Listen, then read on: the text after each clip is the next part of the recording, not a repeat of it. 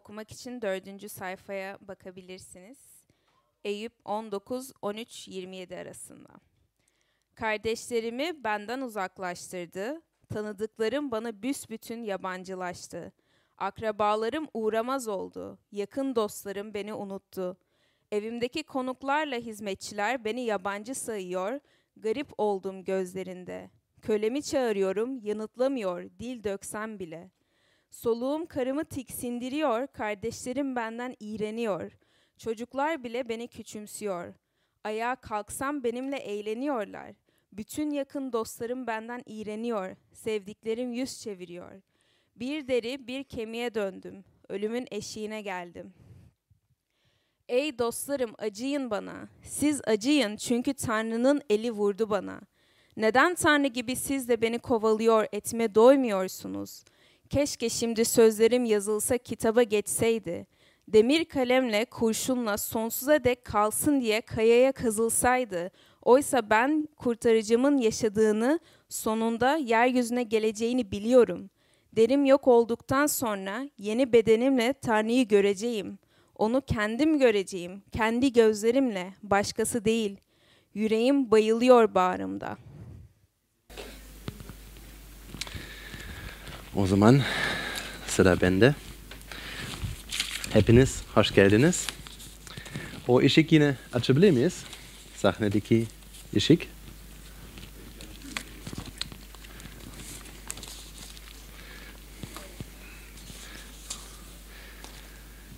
Teknik güzel ama her zaman sanki çalışmıyor.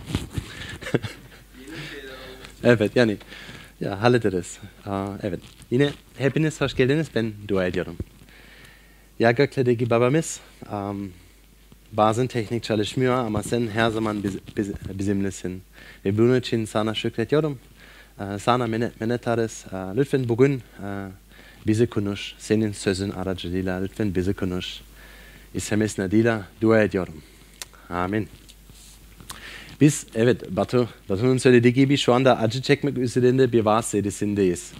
Ve bu nedenle son, son birkaç haftada acı çekme sorusu üzerinde çok düşündüm. Ve genç bir adam hakkında bir hikaye okudum. Belki siz de gördünüz uh, YouTube'da, internette. Nick Vujicic kolları ve bacakları olmadan doğmuş. Çocukken bile intiharı düşünmüş çünkü kimse yük olmak istemiyordu. O 10 yaşındayken kendi canına kıymaya çalıştı. Yardım almadan oyuncak oyuncak kutusu bile açamıyordu. Nick neden kendine sürekli şunu soruyordu. Tanrı bunun olmasına neden izin verdi? Neden izin veriyor? Beni neden böyle yarattı? Bugün Nick'in bu sorularına bakıyor olacağız. Belki siz de bugün burada kendinize aynı soru soruyorsunuz. Şu anda acı çekmek üzerinde bir vaaz serisindeyiz ve Eyüp'ün öyküsüne bakıyoruz. Ve acı çekmeye yanıt arıyoruz. Neden acı çekiliyor? Acı çekmeye nasıl dayanabiliriz? Acı çektiğimizde bize ne yardım eder? Eyüp'ün öyküsü aracılığıyla bu sorulara nasıl yanıt verebileceğimize bakıyoruz yine bugün.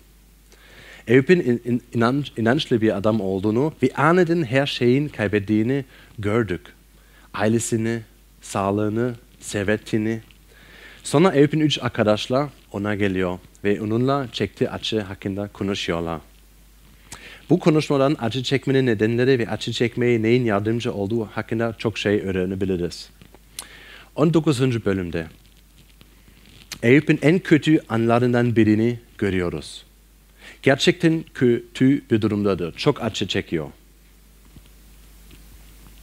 Çok acı çekiyor. Ama aynı zamanda bu bölümde inanılmaz bir umut, bir zafer görüyoruz. Eyüp en düşük ve en yüksek noktasının Tanrı ile olan ilişkisiyle ilgili olduğunu görüyoruz. Acı çekerken genellikle iman ve kuşku arasında gidip geliriz. Örneğin bunun ikinci bölümde görürüz. Eyüp'ün karısı Tanrı'dan uzaklaşır. İnancını kaybeder. Acı çekme sorunu Tanrı'yla ilgili bir soruna dönüşüyor. Tanrı'yla, Tanrı'ya nasıl güvenebiliriz? Bizi sevdiğinden nasıl emin olabiliriz? Eyüp gibi nasıl kurtarıcının yaşadığını biliyorum söyleyebiliriz, diyebiliriz. Bugün acı çekme güvence arasındaki ilişkiye bakacağız. Çekerken Tanrı'nın bizim için olduğunu nasıl bilebiliriz? Şunlara bakacağız ve siz de için elinizdeki bültende görebilirsiniz. Güven ihtiyacı, güven kaynağı, güvenç meyveleri. Güven ihtiyacı, güven kaynağı, güvenç meyveleri. Güven ihtiyacı. 13 ve 20 e, ayetler arasındaki e, bazı şeyleri okuyorum. Kardeşlerimi benden uzaklaştırdı. Akrabalarım uğrumuza oldu. Yakın dostlarım beni unuttu. Evimdeki konuklara hizmetçiler beni yabancı sayıyor. Kölemi çağırıyorum yanıtlamıyor. Solum karımı tiksindiriyor. Kardeşlerim benden iğreniyor. Çocuklar bile beni küçümsüyor. Bütün yakın dostlarım benden iğreniyor. Sevdiklerim yüz çeviriyor. Ve 25, ayet 25 ne okuyoruz? Oysa ben kurtarıcımın yaşadığını, sonunda yeryüzüne geleceğini biliyorum. Yaşıyor benim kurtarıcım, Eyüp diyor. 19. bölümde çok büyük bir karşıtlık görüyoruz. Çok acı çekiyor ama aynı zamanda yaşıyor benim kurtarıcım diyor. Bir yandan kurtarıcım yaşadığını biliyorum derken diğer yandan kendini yalnız hissediyor. Tanrı'ya karşı öfkeli.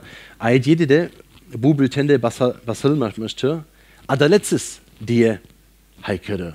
Adaletsiz. Herkes tarafından terk edilmiş. Karısı, kardeşleri, hizmetkarları tarafından terk edilmiş.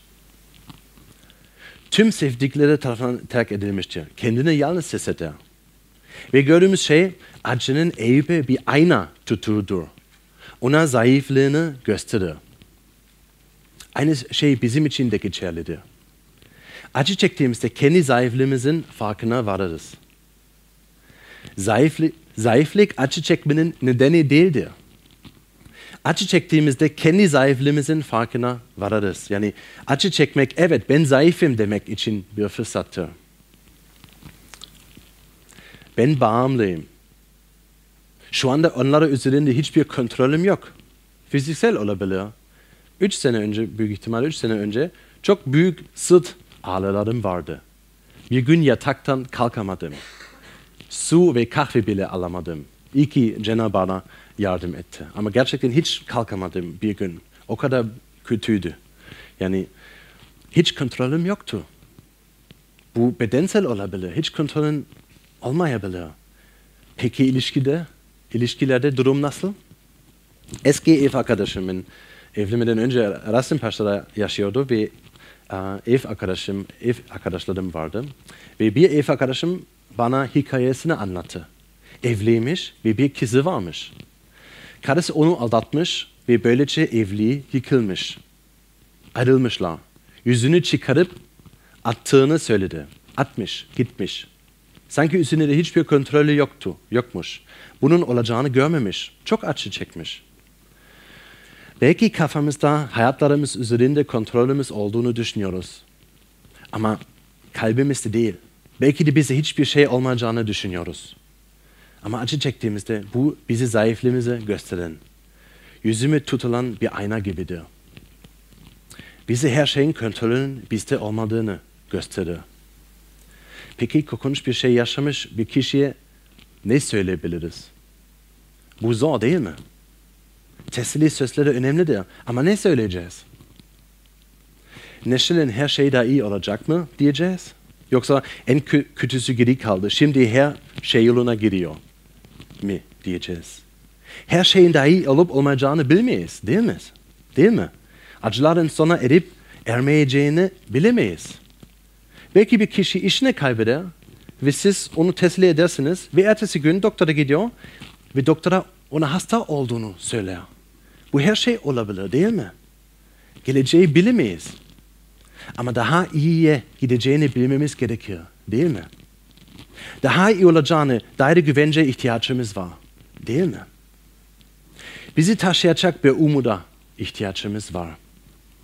Ve Eyüp burada bizi daha iyi günlerin geleceğini bilmenin tek yolunu bir gücünün sizi seven bir Tanrı'nın var olduğuna dair güvence olduğunu gösteriyor.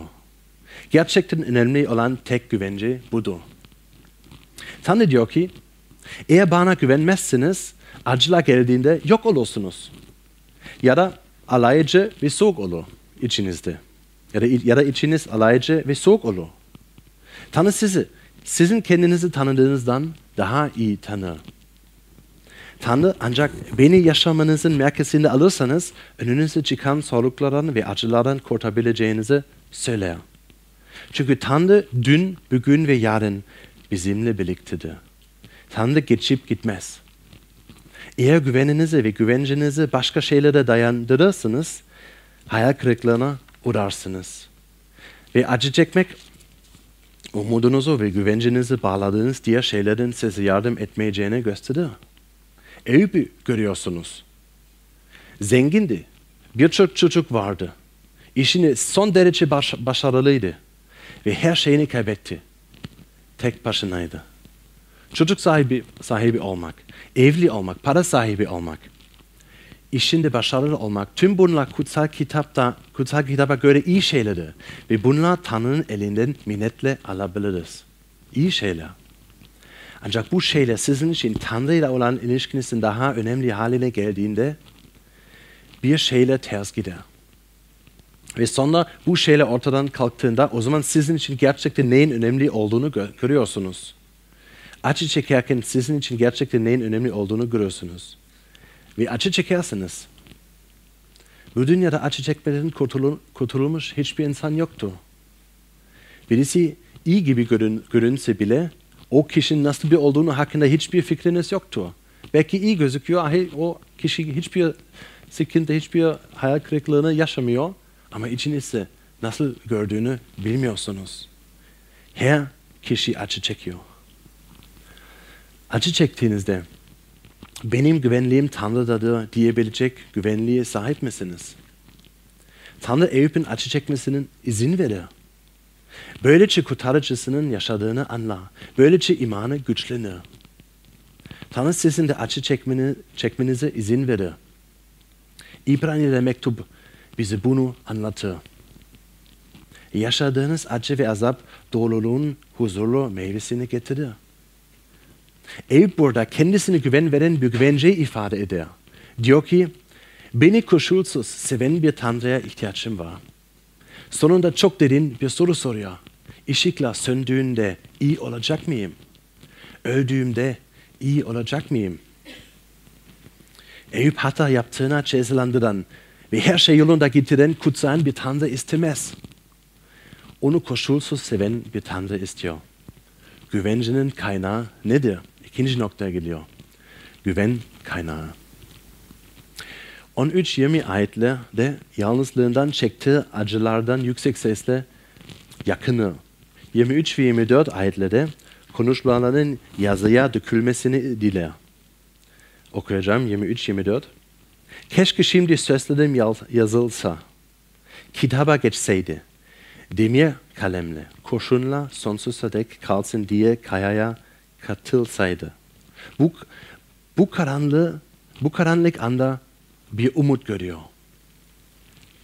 Bu karanlık anda bir umut görüyor. Bu olağanüstü bir kavrayıştır. Eyüp kitabının en önemli bölümlerinden biridir. Bunu nasıl söyleyebilir? Bunun ne anlama geldiğine bakalım. Kurtarıcı ile ne kastettiğine bakalım. 25, 26, 27 okuyacağım. Oysa ben kurtarıcımın yaşadığını, sonunda yeryüzüne geleceğini biliyorum. Derim yok olduktan sonra yeni benimle Tanrı'yı göreceğim. Onun kendim göreceğim. Kendi gözlerimi başkası değil. Yüreğim bayılıyor bağrımda. 25. ayetlerde, ayetinde İbranice'de gal anlamına gelen kurtarıcı sözcüğü yer alır. Bir yandan kurtarıcı anlamına geliyor ama aynı zamanda akraba anlamına da geliyor. Kardeş, amca ya kuzen.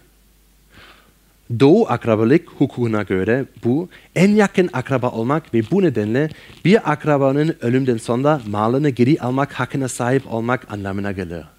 Ya da dul eşiyle evlenip ona ve çocuklarına bakmak hakkına sahip olmak anlamına gelir. Bu her şeyden önce yasal bir durumdu. Yasal bir durumdu. Eyüp burada şaşırtıcı bir şey söylemektedir. Tanrı kutsal kitapta sık sık kurtarıcı olarak adlandırılır. O İsrail'in kurtarıcısıdır. Eyüp kendisi için bir kurtarıcısı olduğunu düşünüyor.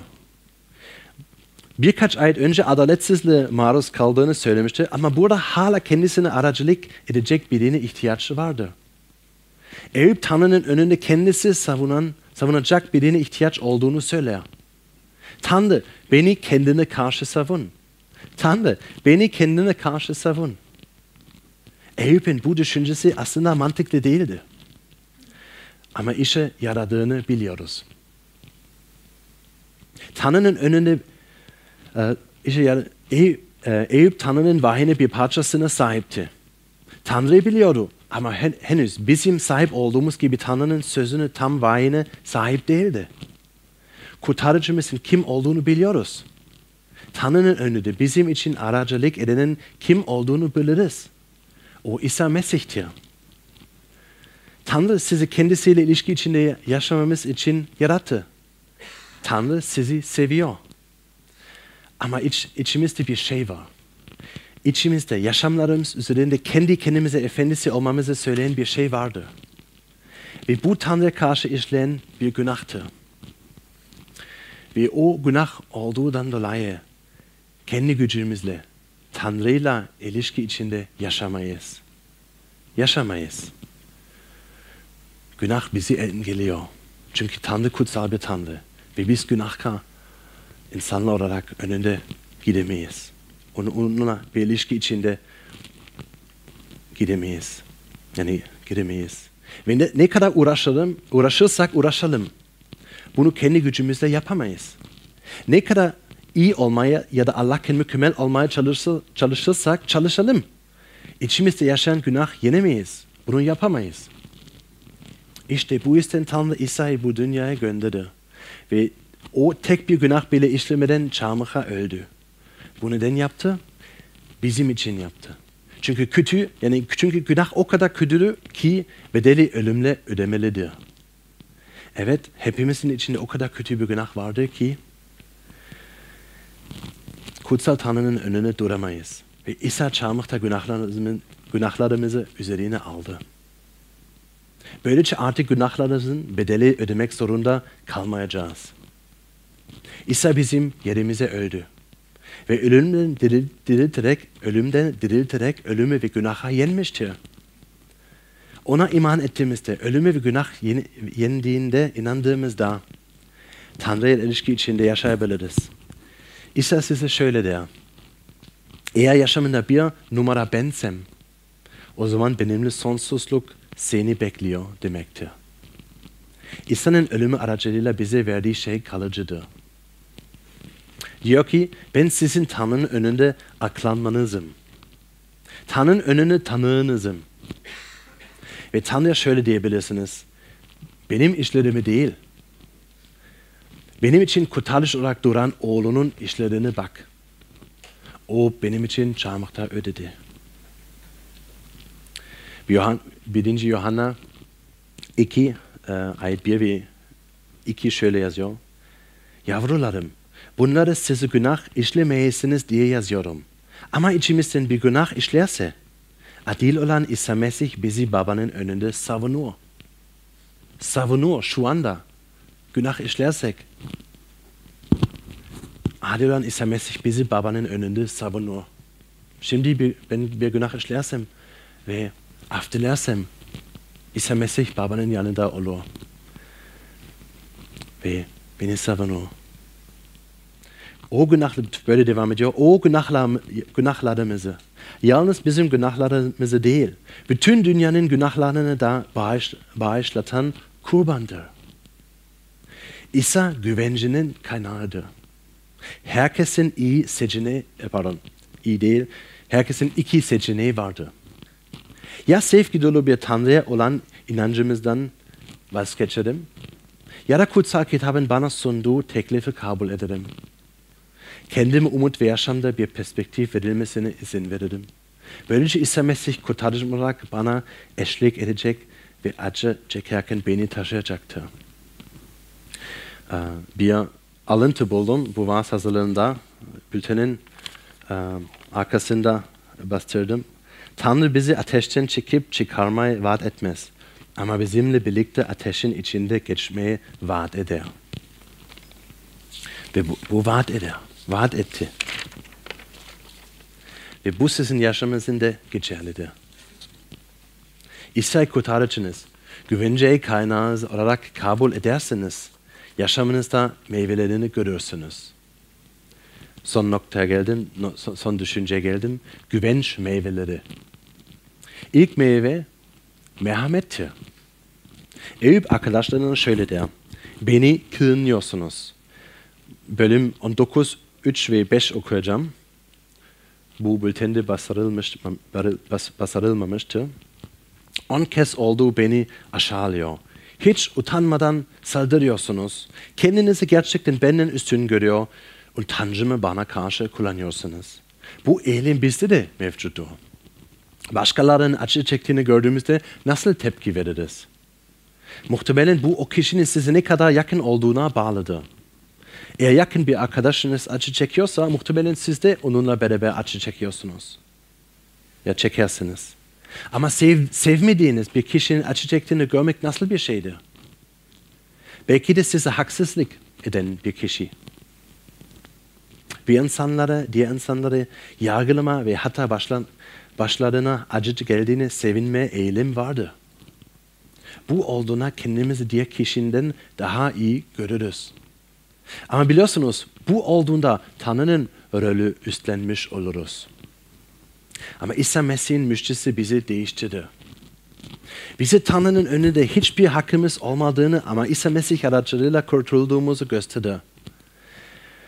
Bu tamamen hak edilmemiş bir lütuftu. Bunun, fark, bunun farkına vardığımızda diğer insanlardan daha iyi olmadığımızın da farkına varırız. Ve bunu başkalarına merhamet ederek gösteririz. İkinci meyve barıştır, huzur. Başlangıçta Nick Vujicic hakkında e, konuştum. Siz de ya YouTube'da izleyebilirsiniz, belki izlediniz. Um, gerçekten yani o e, kollar e, ve bacaklar olmadan doğmuş. Ve kendisi bu önce söylediğim e, soruları um, sordu.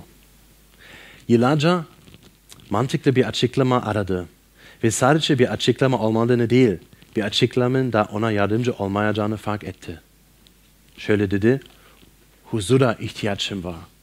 Kolla ve bacaklardan daha fazla dedi. Ve bunu huzuru İsa Mesih'te buldu. Kolları ve bıçakları yok.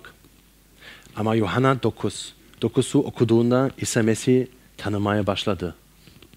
Orada İsa onun öğrencileriyle beraber yürüyor ve onlar kör bir adamı görüyorlar. Ve onun öğrencileri İsa'ya soruyorlar.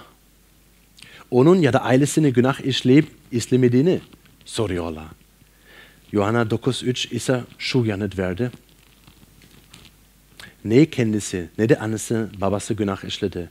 Tanrı'nın işledi onun yaşamında görülsün diye kör doğdu. Bilirsiniz bazen Tanrı'nın, Tanrı'nın bizi bu dünyada ancak iyi ve güç, güçlü ol, olduğumuzu kullanabileceğini düşünüyoruz. Ama bu ama durum böyle değildir. Tanrı kendi yüceliğini ortaya çıkarmak için bizi tam da acı çekerken kullanır. Başkalarına bereket olabilmesi için bizi güçsüzlüğümüzde kullanır. İsa Mesih aracılığıyla acı çekerken size esenlik verir. İsa Mesih bizim yerimize öldü. İsa Mesih acı çekti. Ve üçüncü meyve ise sonsuzluk için bir bakış açısı kazanması, e, kazanmanızdır. Bu geçen hafta biraz daha fazla konuştum bu konu hakkında. İsa Mesih tanınızda yalnızca dünyadaki zamanınız için size güç veren bir umuda sahip olmakla kalmazsınız. Aynı zamanda bugün çektiğiniz acıların ölümün sonunda sizi bekleyenlere kıyaslandığında hiçbir öneminin olmadığının emin olursunuz. O zaman şimdi ve buradaki yaşamın ötesini görüyorsunuz. Bu size yaşamda cesaret ve güç verir. Çok fazla acıyla bağlantısı olsa bile. Ben dua ediyorum. Ya gökledeki babamız, yine sana geliyoruz. Sen oğlunu, biricik oğlunu dünyaya gönderdin. İsa Mesih, sen bizim yerimize öldün. Sen acı çektin bizim yerimize. Ki göklerdeki babamızla bir ilişki içinde yaşayabildiğimiz için. Bunun için sana şükrediyoruz. Ve bu gerçek um, daha iyi anlamak için lütfen bize yardım et Rab. İsa Mesih'in adıyla dua ediyorum. Amin.